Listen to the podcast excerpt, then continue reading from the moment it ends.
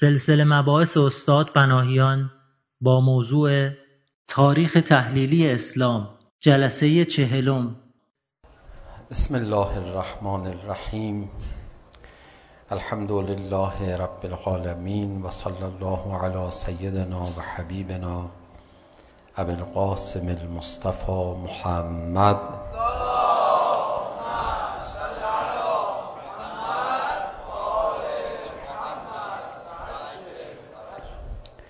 وآله الطيبين الطاهرين المعصومين سيما الحجة بقية الله الأعظم روحي وأرواح العالمين له الفداء واللعن الدائم على أعدائهم أجمعين إلى قيام يوم الدين رب اشرح لي صدري ويسر لي أمري واحلل عقدة من لساني يفقه قولي ما باید بپذیریم که در طول تاریخ اسلام در طول قرنهای متمادی گذشته طی این 1400 سال گذشته به ویژه بعد از وجود شریف پیغمبر اکرم برای غیر سیاسی کردن دین کار شده. و سنگین ترین اقدامات در این باره انجام گرفته خب اگر یک کاری 1400 سال انجام گرفته باشه طبیعتا آثار بسیار سنگینی خواهد داشت حتی در محیط مذهبی ما بالاخره این کار یه کار ساده ای نبوده. تمام پادشاهان حد اکسل حد اقل هزار سال پادشاهی بن العباس پای کار بوده و تمام تمدن اسلامی مشهور که در واقع تمدن مسلمان ها هست رو اینا بنا نهادن. هزار سال کم نیست. حالا قریب به هزار سال. اینا چکار میکردن؟ میدونید بن العباس معتقد بودن. در زمان ائمه هدا این حرفو میزدن. میگفتن خلافت از نبوت جایگاهش بالاتره. بعد مثال میزدن استدلال می آوردن میگفتن شما به یه نفر میگی که این خبر رو ببر به منزل من بده. او چقدر ارزش داره؟ بعد یه نفر رو هم داری میری مسافرت جانشین خودت میکنی برای اداره امورت. پیک خبررسان چقدر ارزش داره؟ جانشین تو چقدر ارزش داره؟ میگفتن خب پیک که ارزشی نداره. اومده یه پیغام فرستاده رفته. دیگه بقیه امور کاری نداره ولی جانشین اون کسی هستش که اداره دست اوست اختیارات دست اوست بعد اینا میگفتن که ما خلیفه هستیم پیغمبر پیام برد یعنی شعن خلیفه رو رسما در قرائت رسمی بن العباسی که هزار سال حکومت کردن بالاتر می بردن از شعن پیغمبر اکرم شما میخواید از این دین چی باقی بمونه؟ حتی تو حوزه های علمیه تشیع. چون حوزه های علمیه شیعه هم بالاخره از این طوفانی که اونها برقرار کردن و ابهامی که ایجاد کردن یک گرد و غباری روش خواهد نشست. علما مجبورن درگیر بشن با مسائلی که اونا ایجاد میکنن در زمینه های اعتقادی در زمینه اصل امامت در زمینه های احکام مجبورن درگیر بشن با هزاران مسئله ای که بالاخره ایجاد شده. و گاهی از اوقات برخی از کتب علمای اسلام میبینید حاشیه زدن و اصلاح کردن کتابهای دیگران و جلوگیری کردن از انحراف و تحریف بیشتر دین. اما اینکه از اول بیایم دین رو منهای تاریخ 1400 ساله مسلمانان مطالعه کنیم خب یه کاری است که تازه باید صورت بگیره. اینجاست که قربت حرف امام و اهمیتش فهمیده میشه که میفرمودن که اسلام رو بد معرفی کردن. ایشون حتی از حوزه علمی هم صریحا گله دارن در این زمینه. و بعد میفرماد اسلام همش سیاست است. وقتی که امام میفرماد اسلام همش سیاست است خب ما طبیعیه که تعجب کنیم. طبیعیه در یه جمله دیگری بفرماد که اسلام سیاستش بیشتر از معنویاتش است که یک کمی برای ما موضوع قابل تحمل باشه. بنده یکی از دلائل قربت سیاسی دین در 1400 سال امشب به شما معرفی بکنم. خب علل قاعده با توجه به حکومت غاصبان وقت باید اون اسلام سیاسی ضعیف شده باشه. حالا چرا باید حکومت غاصبان موجب بشه که اسلام سیاسی ضعیف بشه جریانی مثل بنی امیه یا جریانی مثل بن العباس هزار ساله باید اسلام سیاسی رو برنتابن خب معلومه دلیلش من اینو توضیح حالا عرض میکنم. والله میخواستم از این مقدمه عبور کنم. ممکنه بعضی از دوستان به ذهنشون برسه که خب حالا اینا پادشاهی دارن میکنن و خلافت دارن میکنن به حق یا نابه حق که طبیعتا نابه نابحقه خب اینا چرا باید با اسلام سیاسی مخالف باشن؟ برای اینکه ببخشید اگه اینا با اسلام سیاسی موافق باشن اون وقت باید بهشون گفتش که شما چرا اینجا نشستی؟ شما چرا تو این جایگاه هستی؟ باید این مسائل رو از دین جدا بکنن که بتونن حکومت بکنن. و الا کجای دین اجازه داده چنین افرادی بر مسند بنشینن؟ میگسار و بیبند و بار و ظالم و فاجر و الی آخر. بعضیاشون به چند هزار چند هزار کنیز در حرم سراهاشون کارشون کشیده شده بود که در باب متوکل که قبر امام حسین علیه السلام رو با خاک یکسان کرد یه زمانی به مناسبت شهادت امام هادی علیه السلام یه بحثی اینجا مطرح شد جنایت‌های عجیب و غریب اونها رو عرض کردم. اون میتونه بگه من حکومتم اسلامیه؟ اون میتونه بگه اسلام سیاسیه؟ خب اگه اسلام سیاسیه در تو به حکومت شما چه نظری داده؟ خب اون معلومه که زبون از حلقوم در میاره. کما اینکه در آورد. اگر بخواد کسی اسلام رو سیاسی معرفی بکنه چون اون باید حذف بشه. پس کسانی که غاصب سیاست هستند غاصب حکومت و حالا به هر صورتی پادشاهی یا خلافت هستن طبیعیه که نفی کنن اسلام سیاسی رو. حالا برای اینکه یکم بازم روشن‌تر بشه که چه اقداماتی انجام شده برای نفی اسلام سیاسی یه داستانی رو که شاید یه بار تو همین جلسات من خدمت شما عرض کرده باشم دوباره عرض کنم. خیلی داستان خنده داریه ولی شما نخندید. فکر کنید چه تدبیری نشسته اینو طراحی کرده. اون تدبیر رو دنبال بکنید. اون تدبیر رو بهش نگاه کنید. کی 1400 سال پیش بعد از رحلت رسول خدا نشسته فکر کرده چی کار بکنه با این دین؟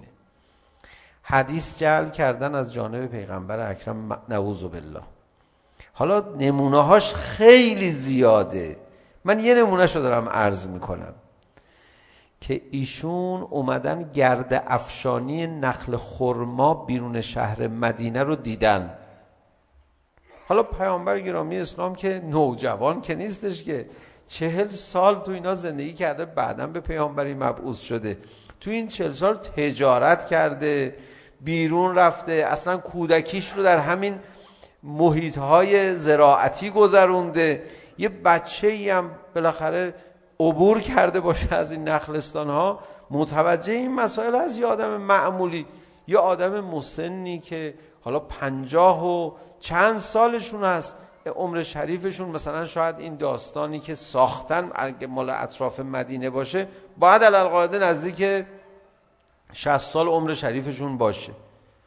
ایشون تو این سن و سال داره میپرسه که این نخله ها رو چرا گرده افشانی میکنید؟ میگن آخه آقا اینا نخله ها نرخ ماده دارن. گرده افشانی نکنیم خورما بار نمیده. خیلی توضیح روشنی هم هست دیگه. کشاورز تخصص تو زمینه خودش داره داره می ایشون باید القاعده قبول کنه دیگه. نعوذ بالله که نداند. ولی حالا تو این حدیث جعلی نوشته شده رسول خدا فرمودن که خب گرد افشانی نکنین. چرا؟ اون نکنین. اون سال گرد افشانی نکردن. بعد سال بعد رسول خدا فرمودن خورمه هاتون کجاست پس؟ گفتن هیچی امسال زیاد خورما نداده. فرمود چرا این گرد افشانی نکردیم شما گفتین گرد افشانی نکن ما که گفتیم گرد افشانی باید بکنیم شما گفتین نکن ما نکردیم نعوذ بالله رسول خدا در انتهای این حدیث جعلی فرموده باشن که شما در امور دنیایی خودتون به حرف من گوش ندید شما در مسائل دنیاتون از من وارد ترید حالا دیدید من روزش هم بخونم.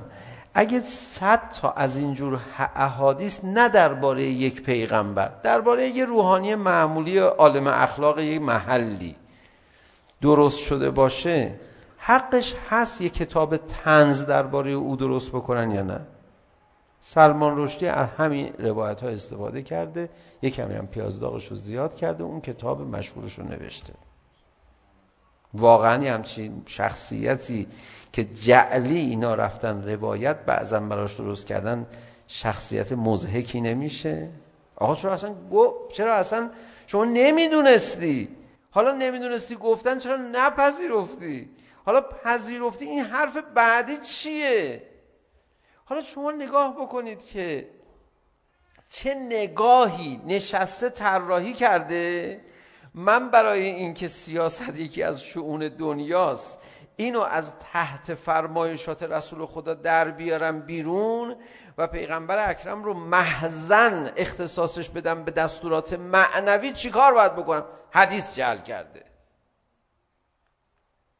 نه نمونه اینجوری فقط نمونه های متعدد که ناشی از یک فکر هرچند ناشی اما بسیار خلاقانه است. آقا کجا نشسته فکر کردی اینا رو؟ مثلا یه نمونه دیگه از احادیث جعلی من اینا رو دارم عرض میکنم که شما توجه بکنید به اینکه بله تو محیط های مذهبی ما این احادیث جعلی رو هیچ کس الحمدلله قبول نکرده. غالب احادیث جعلی به واسطه تلاش ائمه هدا علیهم السلام و بعدش علماء مؤمن جلوش گرفته شده ولی بالاخره اثرشو گذاشته اثرشو گذاشته شما همین الان تو کوچه و بازار بخوای حرف بزنی زیاد ازت نمیپذیرن اسلام سیاسی رو اسلام یه بالاخره امر معنوی پیامبر خدا هم که دیگه معنوی تر از همه مثلا دوباره یه حدیث جعلی دیگه براتون بخونم که بحث امشب مزه بده بهتون. اینا رو برای مزهش یا برای دردمندیش دارم عرض میکنم که مثلا یکی از همسران پیامبر که نامش هم در تاریخ هست. ایشون دو تا اسیر توی یکی از جنگا نگه داشته بوده که اسیرا رو به ایشون سپردن. حالا احیانا دستشون هم بسته بودن یا نه نمیدونم. ایشون مراقبت میکرده با اینکه خانوم بوده ولی خب اونو اسیرها ضعف داشتن و اینها ایشون مثلا مراقبت میکرده. دیگه حدیث جعلی هم میخوام بسازن خیلی نمیتونن زیاد حدیث جعلی راست درست بکنن که باید یه جایش معلوم بشه که بابا این دروغه. ولی حالا بعد رسول خدا میرند و میان میبینن ای این اسیرها در رفتن. از اون خانومشون مثلا میپرسن که چی شد این حدی اسیرا در رفتن؟ هیچی من حالا بیورزگی کردم اینا فرار کردن. رسول خدا عصبانی میشن میفرمان که دستای تو قطع باشه. بریده با دستای تو. بعد حضرت میرن میدان بر میگردن این خانوم داشتن به دستاشون نگاه میکردن مضطرب که الان قطع میشه. بعد رسول خدا ازشون پرسیدن که چرا به دستات نگاه میکنی؟ خب هیچی شما الان دستور دادی یا نفرین کردی که دستام قطع بشه منتظرم قطع بشه. مثلا تو این حدیث جعلی نعوذ بالله گفته باشن رسول خدا که من هر کیو نفرین میکنم این رحمت براش. شما اصلا ناراحت نباش. بعدا شما بیا خودتو تیکه تیکه کن بگو رسول خدا مثلا ابو سفیان و کیو کیو لعنت کرده میگن خب اون که دیگه رحمته اونو که ما داریم نمونه رو وقت اصلا از یه همچی شخصیتی چی شما تصور میکنید باور کنید تو بعضی از این مباحث حالا باید توی کمی تو بحث تاریخ جلوتر بریم به جریان نفاق و تحریف دین و اینا برسیم تا این موضوعات رو به تفصیل ازش صحبت بکنیم. یک شخصیتی از پیغمبر اکرم نشون میدن. یک شخصیتی عجیب به خدا قسم. یعنی یه آب نمیشه دستش داد. چه برسه جامعه رو شما دستش بدی. خب بله اون همه بمباران بکنی خب لابد. مبلغان اون حکومت هایی که سر ابا عبدالله علیه السلام بالا نیزه میگذارن و لعن امیر المومنین علی علیه السلام مظلوم رو واجب میدونن لابد اونا میرن بالا منبر حدیث میگن. از این حدیث ها میگن دیگه نه از اون حدیث ناب که. شما اینم در نظر بگیرید که تا زمان امام باقر علیه السلام قال رسول الله گفتن ممنوع بوده. مبلغای خودشون که آزاد. احادیث جعلی رو میتونن بگن. عموم مردم هر کی حدیثی از پیغمبر دهن به دهن شنیده بگه زبون از کامش در میارن بیرون. علت شهادت بعضی از یاران علی ابن ابی طالب علیه السلام به دست معاویه فقط حدیث گفتن بوده. علت تبعید ابوذر حدیث گفتن بوده. مگه ممنوع نشد حدیث گفتن؟ و شما این رو بگذارید کنار اون که حالا دیگه نمیگم کی بلا فاصله بعد از رحلت پیامبر گرامی اسلام تمام مکتوبهای مردم رو از احادیث نبوی جمع کردن توی خانه میگه پدرم تا صبح راه میرفت نزدیک صبح گفتش که تنور رو روشن کن تمام مکتوبهای مردم رو تو آتیش سوزوندن آقا احادیث مکتوب سوزونده شده تا چیزی حدود نزدیک 100 سال چی شده؟ یعنی حداقل 80 سال. حدیث گفتن ممنوعه. حدیث جعلی هم که ساخته شده اونا پخش میشه. این مال صده اول. تا نوبت به امام صادق علیه السلام برسه فضا باز بشه یه کمی احادیث خوبم قاطی بشه. اون احادیث جعلی جهتش چیه؟ عبادت ها رو میخواد کم رنگ کنه؟ نه. شراب خوردن رو میخواد حلال کنه؟ نه. جهت اون احادیث جعلی غالبا سیاست زدایی از دینه. و الا اون احادیث عبادت ها رو چه بسا سنگین ترم بکنه؟ من نمونه هاشو نمیخوام عرض بکنم. یعنی میگه اصلا تو حدیث جعلی نمیخواد درست بکنی مردم رو عرق خور بشن نماز کمتر بکنن تو بیشتر بخونن. حدیث چند تا دیگه هم اضافه کن.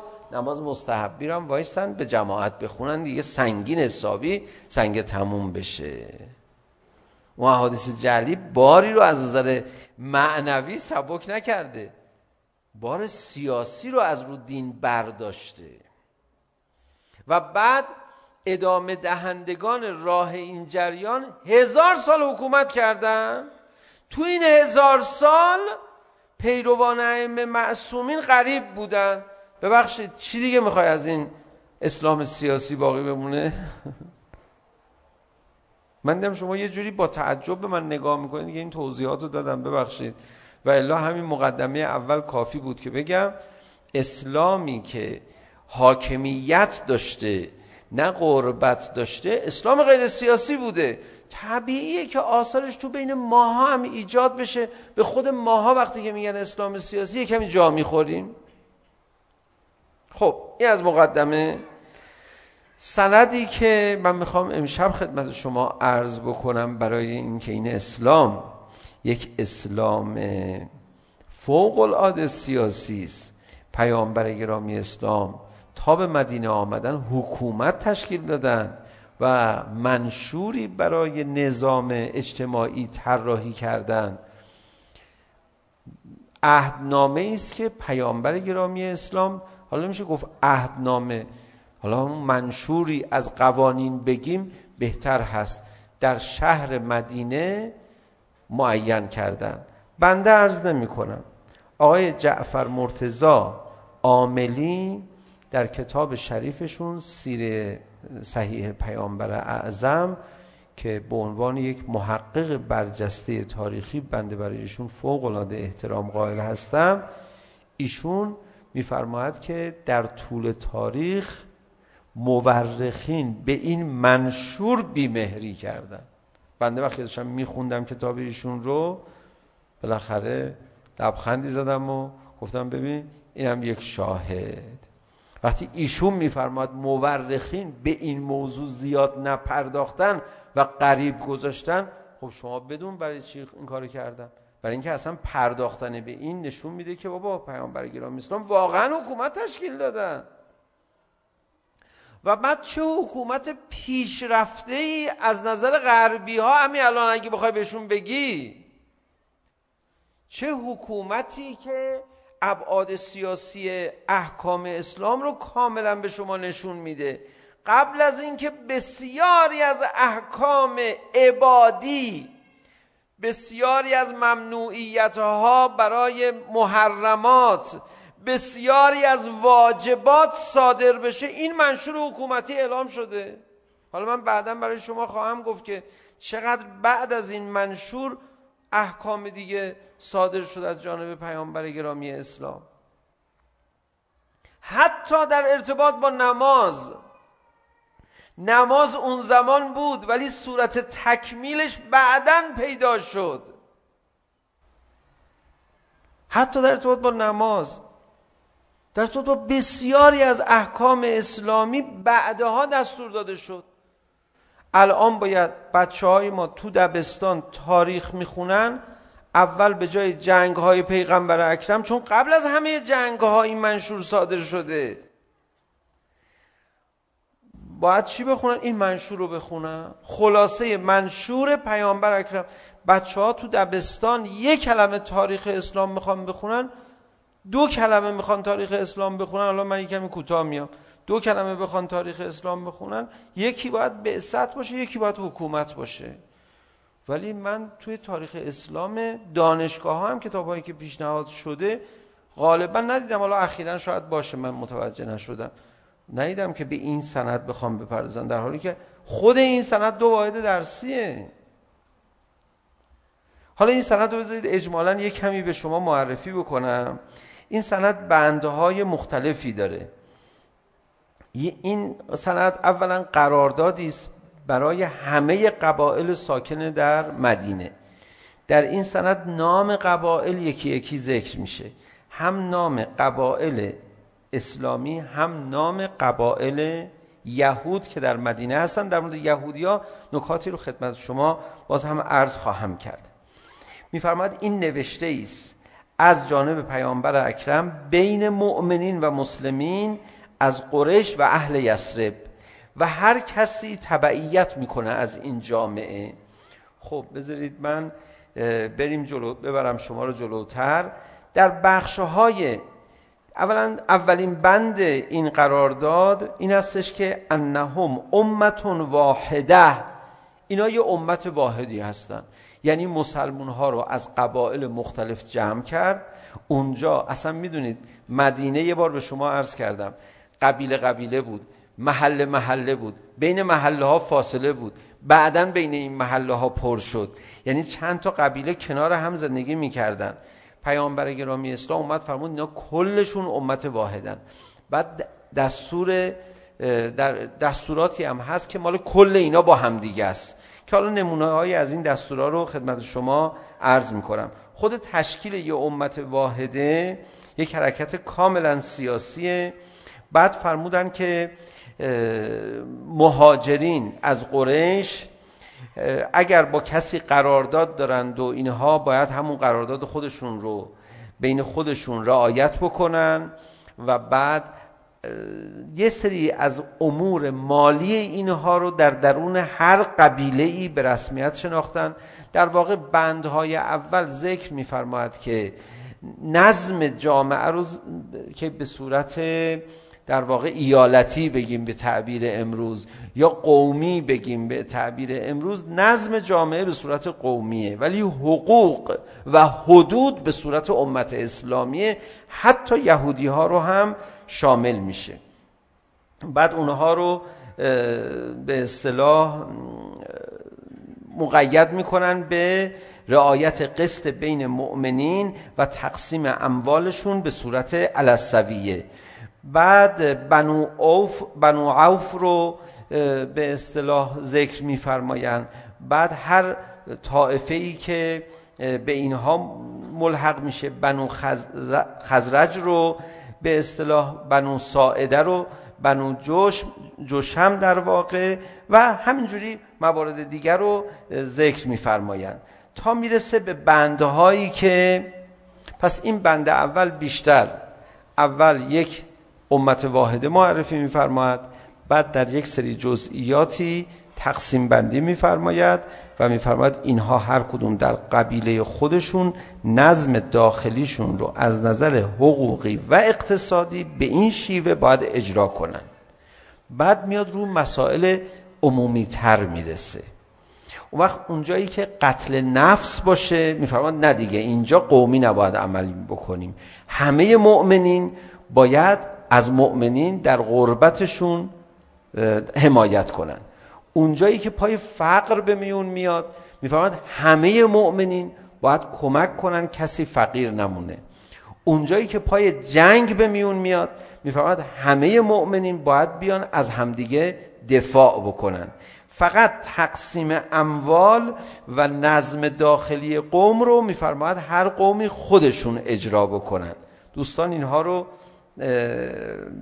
تصور رو بعد از اینکه نام هر قوم ذکر میشه و این نظم برقرار میشه میفرماید که مؤمنین و ان المؤمنین لا یترکون مفرحا منهم ان ان یعینوه بالمعروف فی فداء او عقل. چقدر زیباست چقدر دلنشینه. اینا قانونهای ماههای اول بعد از حضوره. میفرمایند مؤمنون هیچ وقت نباید یک مؤمنی که عیالواره او رو رها کنن بیفته تو تنگ دستی. باید کمکش کنن تو مسائل مالی و بعد اونو با خودشون مساوی قرار بدن. بخشی از این قوانین که حالا من برای شما بیشترش رو اشاره میکنم مربوط میشه به مروت مربوط میشه به چیزایی که امروز میگیم اخلاق جزء قانون اصلا نمیاریمش. اما اونجا در واقع اینا عهد میبستن سر اینها. مثلا یه نمونه دیگه شو این لا یحالف مؤمن مولا مؤمن دونه. مثلا اونجا یه حالتی بود که اگر یه نفر غلامی داشت شما نباید بری با غلامش پیمان ببندی بدون اینکه اون فرد در جریان باشه. دور بخوای بزنی. نامردی ممنوع. دور زدن ممنوع. اینا جز بندهای اولیه است. ببینید چه فرهنگی رو اونجا ایجاد میکنه. متناسب با اون فضا. بعد میفرماید که و ان المؤمنین و المتقین من بغا منهم دیگه اینجا قبیله ها رو بعد از اینکه نظم داد از نظر داخلی اموراتشون رو مرتب بکنن میفرماد مؤمنین حالا دیگه با هم هر کسی بهش تجاوز شد باید بلندشن جلوی اون وایسن و باید در مقابل هر اسم و عدوانی مقاومت بکنن یا هر فسادی بین مؤمنین. اصلا این کلمه ب... مؤمنین کلمه زیباییه. کلمه تمدن سازی شد این کلمه. بعد اگر یکی از اینها خطا کرد مال هر قبیله ای باشه و ان ایدیهم علیهم جمیعه جمیعهم ولو کان ولد احدهم. یه نفر خیانتی کرد خطایی کرد همه باید با هم ید واحد باشن ولو این پسر یکی از اینا باشه.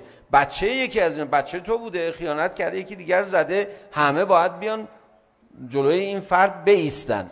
چه جامعه سازی متقنی هست. من خواهش میکنم که توی این زمینه که حالا این عبارت رو هم برای شما بخونم از همین عهدنامه و المؤمنون بعضهم موالی بعض دون الناس. و مؤمنین همه باید پشتیبان هم دیگه باشن. اینها که زیبایی خاص خودشو داره بماند. میره سراغ یهودیان مدینه. بذارید من یه مقدار در مورد یهودیان مدینه صحبت کنم. یهودیان مدینه قوم مذهبی مدینن اوس و خزرش که دو تا قبیله مهمتر هستن که هر کدومش هم دوباره پارچه های مختلفی داشتن اینها زیاد به اندازه یهودیان مذهبی نبودن. اونس و خزرج تواف میرفتن. خانه کعبه حج انجام میدادن. یه چیزایی از ادیان گذشته از حضرت ابراهیم براشون باقی مانده بود. ولی خودشون رو به اندازه یهودی ها متدین نمیدونستن. یهودی ها چون پیامبرشون متأخرتر بود مثلا حضرت موسی از حضرت ابراهیم متأخرتر بود اینا خودشون رو بهتر مثلا مذهبی تر میدونستن. اینا کتاب هایی هم که جمع کرده بودن اسنادی هم که داشتن اوس و خزرج با بقایای ادیان باقی مونده از حضرت ابراهیم و فرزندانش که اینجور کتاب ها رو نداشتن. پس یهودیا هم متدینتر هم متأخرتر هم با سوادتر محسوب می شدن به حدی که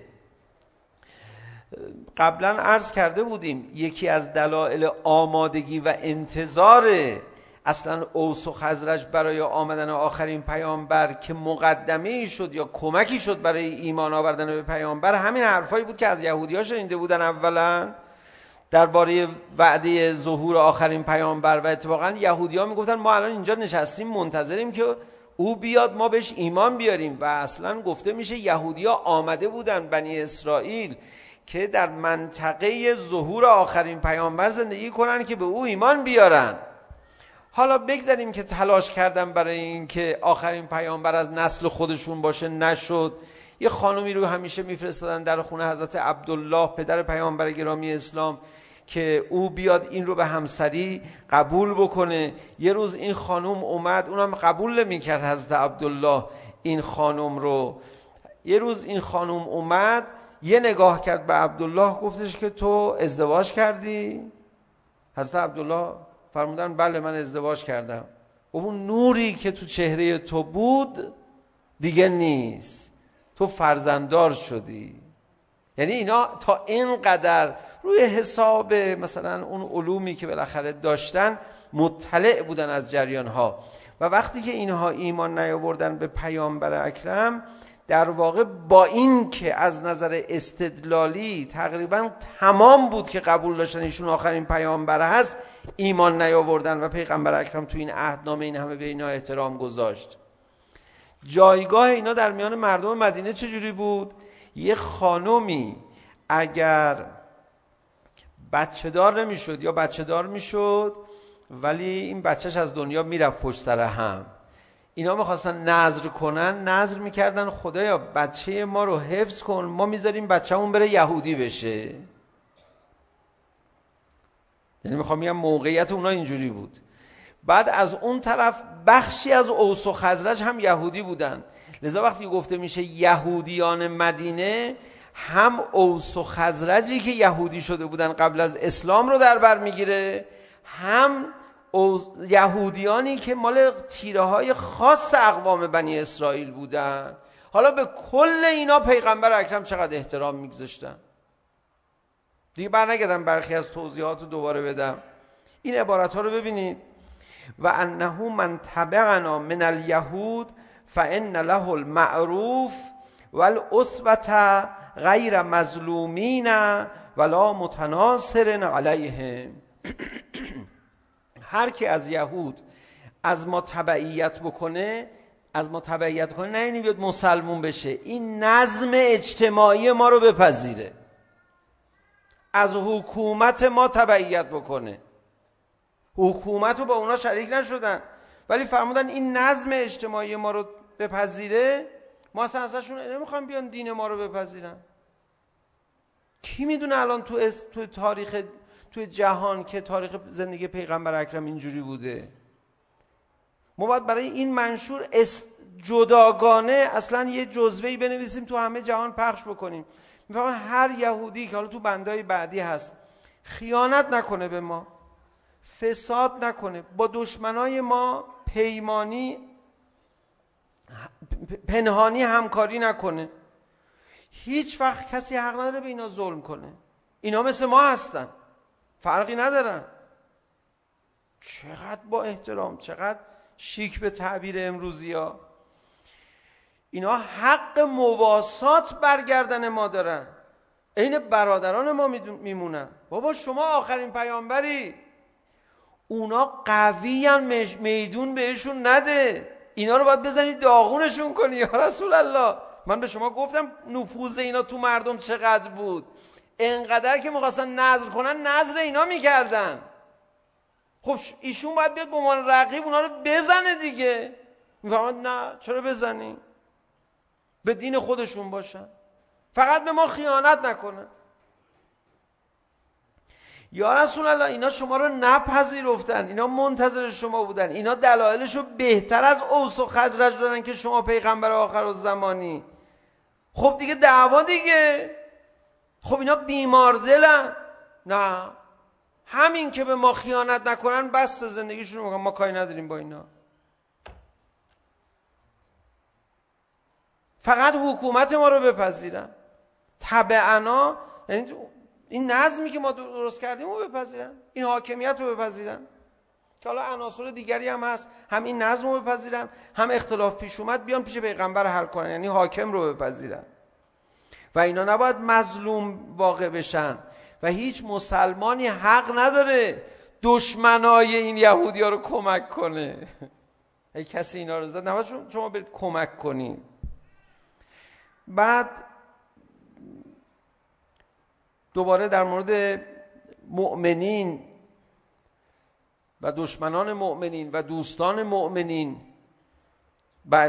بندی دارن. هر کی با مؤمنین صلح کرد یعنی با کل قبایل مؤمنین صلح کرده دیگه نگه این با اون قبیله صلح کرده با من صلح نیست با یکی یک گروه از مؤمنین صلح کرد با همه در واقع صلح کرده و اگر قتال هم کرد که همینطور بعد باید از رزمندگان بریم پشتیبانی بکنیم گروهی پس از گروهی بلندشن بیان در جبهه حاضر بشن و از هر قبیله ای باید بیان اینها قشنگ توضیح داده میشه. بعد مؤمنین بهترین راه و روش برای زندگی کردن رو باید داشته باشن. بعد نباید با مشرکین همکاری بکنن و مشرکین رو علیه مؤمنین کمک بکنن. در حکم قصاص توضیحاتی رو میدن در این در واقع مکتوب و قرار.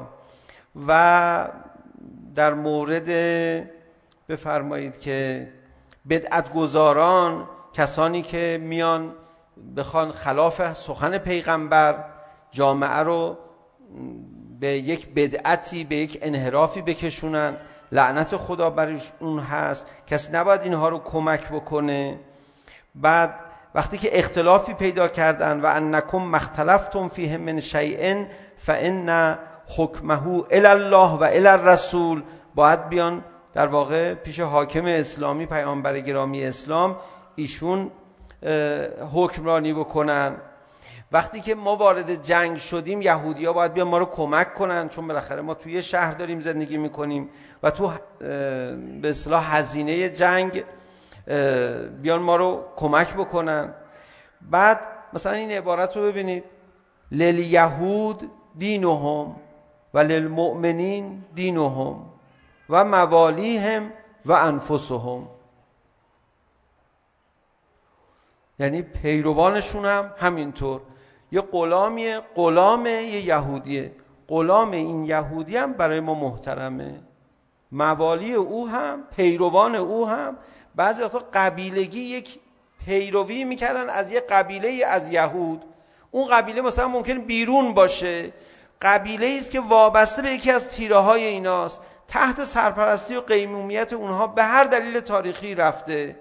اونا چون تابع اینا هستن برای ما محترمن. چون اینا برای ما محترمن. یه کسی هست اینا رو یه پلاکارد بکنه ببره بگه این تاریخ اسلام وقتی که اسلام بر یهود قدرت پیدا کرد اینجوری با شما برخورد کرد. وقتی شما الان به واسطه تکنولوژی و این اتفاقاتی که بالاخره تو سرزمین غرب افتاد و شما یه قدم افتادید جلو دارید چه میکنید با مسلمان ها للیهود دینهم و للمؤمنین دینهم. چرا بنده باید این مباحث رو خیلی جاها بگم جوونا برگردن میگن آقا ما تا بوده جنگای پیغمبر رو شنیدیم. میگم این برخوردهای پیغمبر جای خوندی؟ تو کتابت میگه نه نخوندم. این بزرگواری های پیغمبر رو نخوندیم. از یهود هم که فقط قلعه خیبرش رو بلدیم. آخرش که جنگ شده بود و اون بعد از خیانتش رو کی طراحی کرده این تاریخ و این نگاه رو به اسلام که ما اینجوری الان داریم نگاه میکنیم؟ الا من ظلم. مگر کسی که ظلمی بکنه. خب بله مسلمون هم ظلم بکنه. بچه ای که از مسلمون هم قتل بکنه قبلا آمد دیگه. باید جلوش ایستاد. یهودی هم ظلم بکنه. چه فرقی میکنه؟ قبلش هم تعبیر مواسات رو حضرت تصریح فرمودن. دوباره میخواد یه بار دیگه اون عبارت ها رو بگم. یا رسول الله اینا قوی ترین جریان مذهبی رقیب شما. وقتی مردم تو این شهر میخواستن نظر کنن بچهشون سالم بمونه نظر میکردن یهودی باشه. پس شما رقیب تو بزن تا قدرت پیدا بکنی نمیزنه. یه چیز دیگه اضافه کنم. یا رسول الله اینا باید اینا که اطلاعاتشون بیشتره مثلا سوادشون بیشتره پیامبرشون متأخره مثلا نزدیکتره اینا باید گواهی بدن شما پیغمبری. اینا وقتی که مسلمون نمیشن در واقع پیغمبری شما میره زیر سوال. از نظر تبلیغات خیلی علیه شماست. شما با اینا مقابله کن. مقابله نمیکنه. توی یکی از این بندها هست که یهودیان نباید مسلمان رو مسخره کنن. نباید توهین کنن. تبلیغات علیه مسلمانان نکن. برای خودشون زندگیشون رو بکنن. که البته اونا این کارو کردن که البته رفتن خیانت کردن که البته رفتن پشت پرده جرم انجام دادن که دیگه در تاریخ بهش میرسیم خب بعد دیگه اسامی اقوام یهود رو میارن برای یهود بنی عوف این موارد رو ذکر کردن قبلا بعد میفرماد و ان لیهود بنی نجار مثل ما لیهود بنی عوف یهود بنی نجار هم مثل یهود بنی عوف و ان مثل این سندای محضری می نویسن با جزئیات همه رو ذکر میکنن که آدم حوصلش سر میره به خونه من میخوام حوصله شما رو سر ببرم و ان لیهود بن الحارس مثل ما لیهود بنی عوف و ان لیهود بنی جوشم مثل ما لیهود بنی عوف اینا همه باید امضا کنید آخر سر و ان لیهود بنی ساعده مثل ما لیهود بنی عوف و ان لیهود الاوس مثل ذالک الا من ظلم چقدر زیبا پیشرفته دقیق خب وقتی که مطلعین از تاریخ میگن این سند در تاریخ بهش ظلم شده هیچ بهش نپرداخته. آیا فکر نمیکنید اینا یک به اصطلاح دستیسه ای در کار بوده دستیسه که آثار خودشو گذاشته؟ بعد این نکته هم که قبلا ما بحث کرده بودیم و انه لا یخرج احد منهم الا باذن محمد صلی الله علیه و آله و سلم.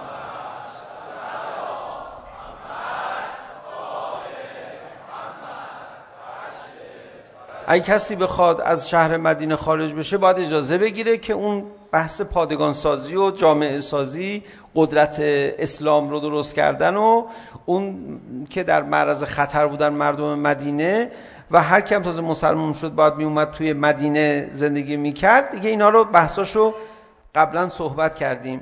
علل یهوده نفقتهم و علل مسلمین نفقتهم.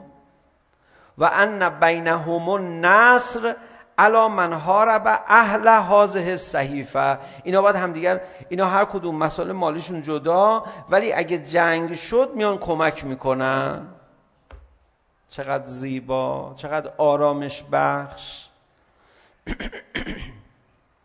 بعد باید بین مردم چی باشه؟ وقتی حالا همه مردم همه مردم.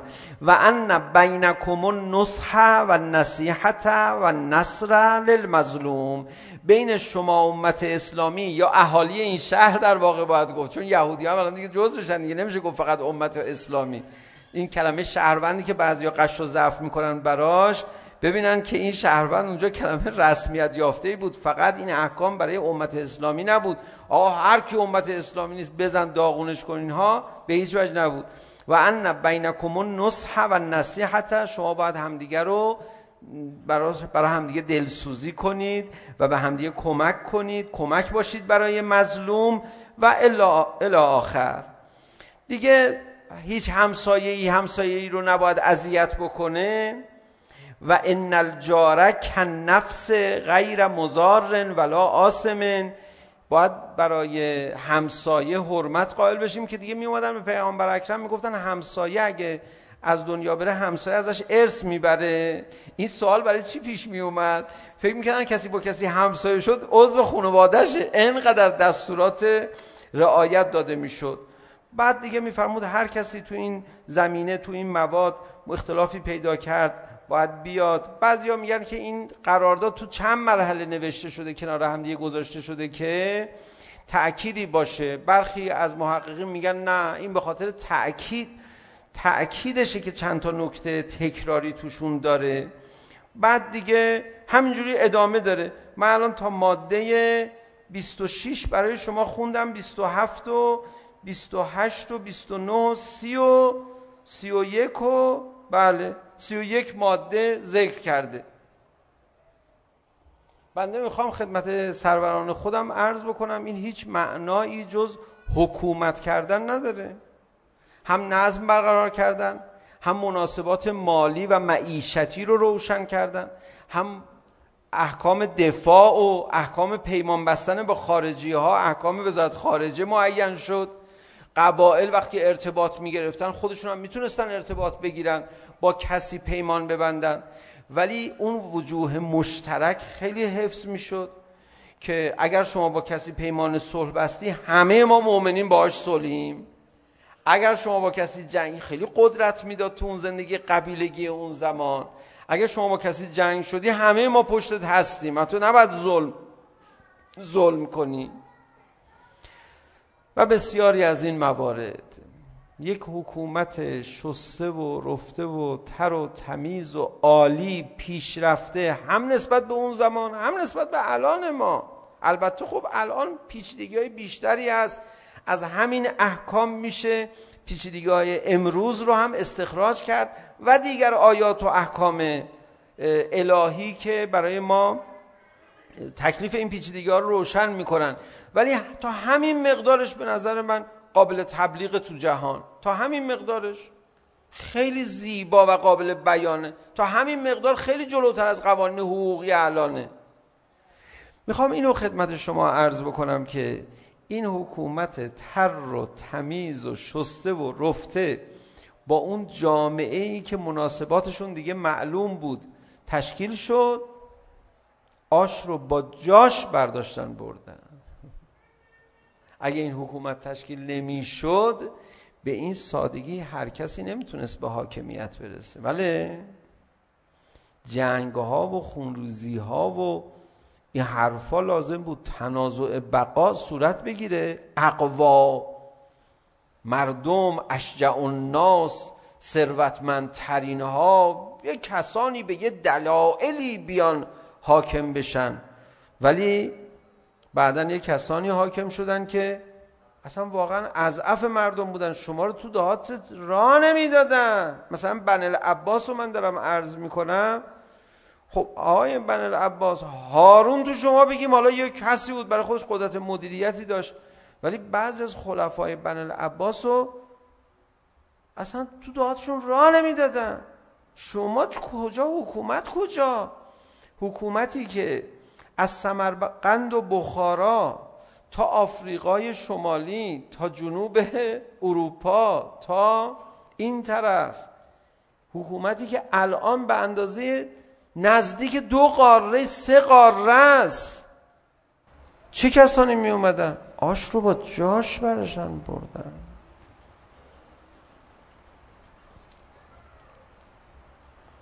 دیگه صحبت نکنیم دیگه. نه در مورد تاریخ میشه صحبت کرد گذشته نه در ارتباط با الان به نظر من بهترین روش ابلیس همین بود دیگه وقتی نتونست مقاومت بکنه در مقابل تأسیس تمدن اسلامی تأسیس حکومت اسلامی عقب نشینی کرد پا داد بعد اومد آش رو با جاش برداشت جالبه بعضی الان هم همین تمام دارن. میگن اصلا دیگه چرا ضد ولایت فقیه باشیم؟ بریم تلاش کنیم اینو میتونیم مال خود کنیم.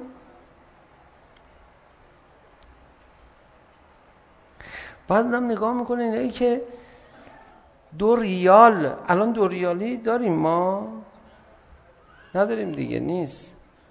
دو ریال هم ولایت فقیه و حکومت اسلامی ولایی رو قبول ندارن اخیرا افتادن دنبال خب دیگه وقت گذشته روزه بخونیم یه بله یه وقت نباید زیاد سخنی طول بکشه خدای جامعه اسلامی ما رو هر لحظه پربصیرت‌تر قرار بده انشالله که همه عاقبت به خیر بشن این چقدر ما بچه خوبی هستیم مثلا هم سیاسی نیستیم و هرچی هم میگیم مال تاریخه ولی تاریخ بدجوری چشم آدم باز میکنه آخه یه نفر از شام اومد گفتش که حالا اسمش هم عمدن یادم رفته بهش گفتن که بیا بابا منتظرت بودیم بشینیم یه نقشه توطئه‌ای چیزی بکشیم علیه پیغمبر اسلام ایشون داره کارش میگیره. گفت من که میخوام برم بهش ایمان بیارم. گفتم برو تو این کار نیستی. معلومه کیا ایمان میارن. آدم حسابی ها میارن تو که آدم حسابی نیستی. گفت اتفاقا من بررسی کردم تو راه از هر عالمی پرسیدم. گفتن ایشون خودشونن. همون آخرین پیامبرن. هر کی بهش ایمان بیاره نونش تو روغنه. گفت تو خود ایشون هم فرمودن هر کی به من ایمان بیاره. بعدش سروران جهان و اینها خواهد شد. گفت خب من میخوام سرور بشم. من چرا بیام باش مقابله کنم؟ رفت چسبون خودش به پیغمبر. بعدش هم به جایی رسید و یا نرسید یا حالا از اون چیزا اما صحبت نپرس دیگه ولش کن. از اول اومد اصلا برای همین.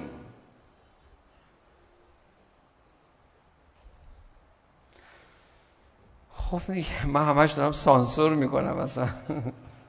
چی بگم دیگه؟ آش رو با جاش برداشت بود راستی بریم عقبتر حالا از تاریخ اسلام که زیاد نمیشه صحبت کرد یک کسی بود که یهودی بود که شدیدترین دشمن حضرت عیسی ابن مریم بود تا حضرت عیسی ابن مریم به تعبیر اونا از دنیا رفت به تعبیر ما به آسمان رفت ایشون خواب نما شد حالا اینا دیگه همه هم میدونن این تاریخ با اینکه قدیمی همه میدونن خود مسیحی های معتقد خیلی بعضیاشون دشمن ایشون هستن. حالا اسمش الان من یادم رفته. خواب نما شد. یه دفعی بیدار شد از خواب و گفت من دیشب خواب عیسی ابن مریم رو دیدم. بهش ایمان آوردم تو خواب. فرمود تو باید مبلغ دین من باشی. اومد شد مبلغ دین عیسی ابن مریم. دیگه این دین رو هر جوری که دلش میخواست تبلیغ کرد. بعد این دین یه جوری شد که کلا ظرفیت پذیرش سلطه یهود درش زیاده. توش گذاشت که عیسی ابن مریم گفت این ورو زدی این ورم بزن. من تو رو نمیزنم. اینجوریه؟ خب اینجوری باشه که اون میزنه که خب بزنه دیگه ببره دیگه. الان میبینی که داره میزنه و میبره.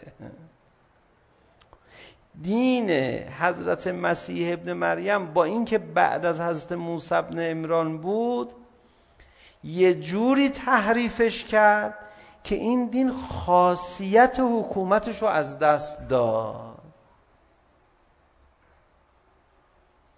تقشن ابو حالا یاد یه نکته دیگه افتادم. شاید اینا با هم زیاد ربط نداشته باشه. آقای ابوذر چرا کتک خورد تبعید شد؟ چون یه موجود همین سبکی که بازم اونم اصلش یهودی بوده توی دربار یکی از خلفات داشت به همون شیوه حدیث جل میکرد. میگفت که چند نمونهشو گفتم. این بلند شده اعتراض کرد. احادیثی که بازم خاصیت این سیاسی و حکومتی این دینم از کار بندازه. بلایی که سر دین مسیحیت اومد که دیگه قدرت مقاومت مقابل قوم یهود نداره این بلا سر دین اسلام. و ابوذر بلند شد گفت یهودی زاده تو داری الان برای ما دین درست میکنی؟ کتکشو خورد تبعیدشو شد توی غربت هم از دنیا رفت به خاطر اینکه مقابل یه پدیده شبیه پدیده تحریف دین مسیح ایستاد.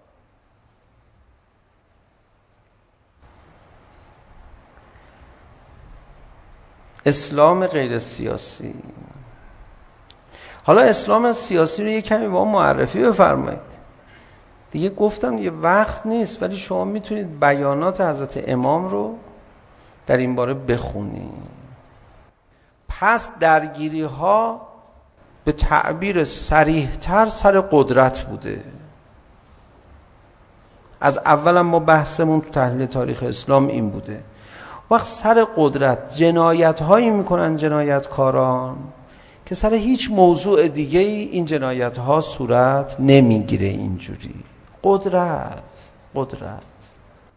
اگر قدرت طلبا پاشون در میون نبود هیچ وقت زینب کبرا به تناب اسارت از این کوچه به آن کوچه کشیده نمی شدن اگر پای قدرت طلبه ها در میون باشه دیگه ابا عبدالله الحسین علیه السلام ایستاده میفرما خب باشه من کاری ندارم با شما. او رها کنید من برم. من کاری ندارم. رها نمیکنم. چون پای قدرت در میونه میدونید چه اتفاقی میفته امام حسین به شهادت رسیده.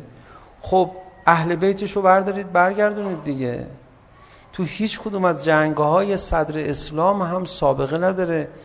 خانواده ها رو به اسیری بکشونن ببرن تناب بگردنشون ببرن تو شهرها بگردونن. پیغمبر حالا این کاری کرده بود برای مشرکین.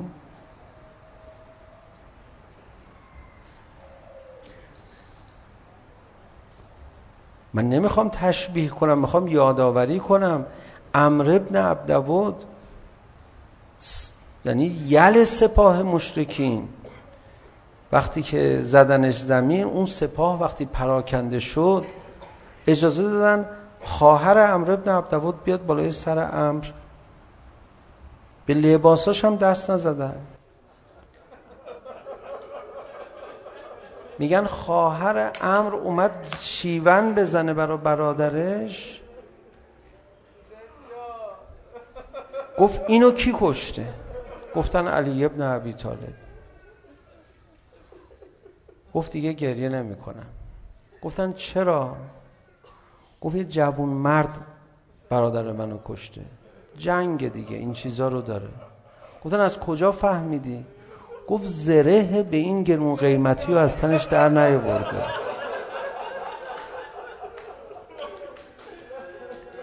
احترام گذاشته. خواهر امر ابن عبدالبودم به اسیری نگرفت پیغمبر. بردار تو بردار ببر کاری نداریم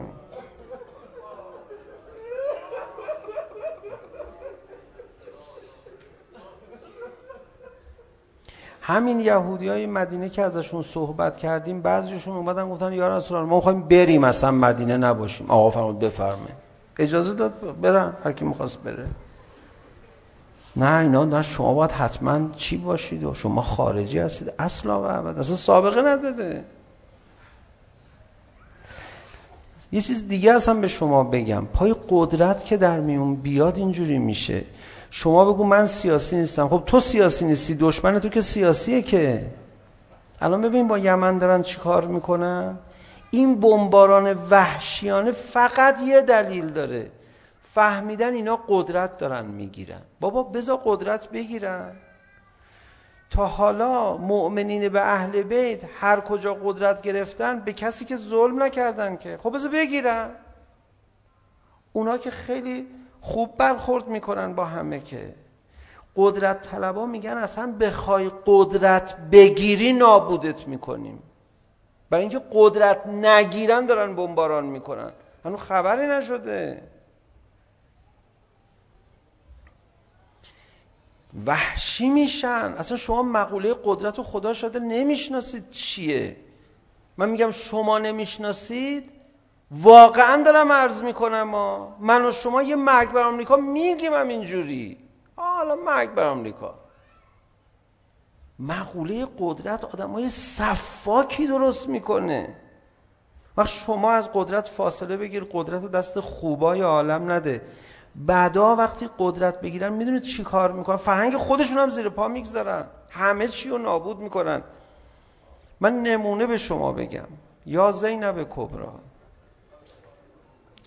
امیرالمومنین میفرمود قبل از اسلام کسی تازیانه ای رو سر یه خانوم بلند میکرد نسل در نسل و او رو مذمت میکرده. میگفتن خاک بر سر دیگه خانوم رو زدی.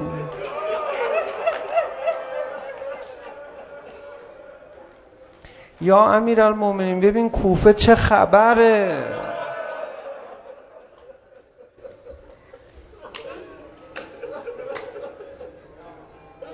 اصلا با کسی این کارو کردن؟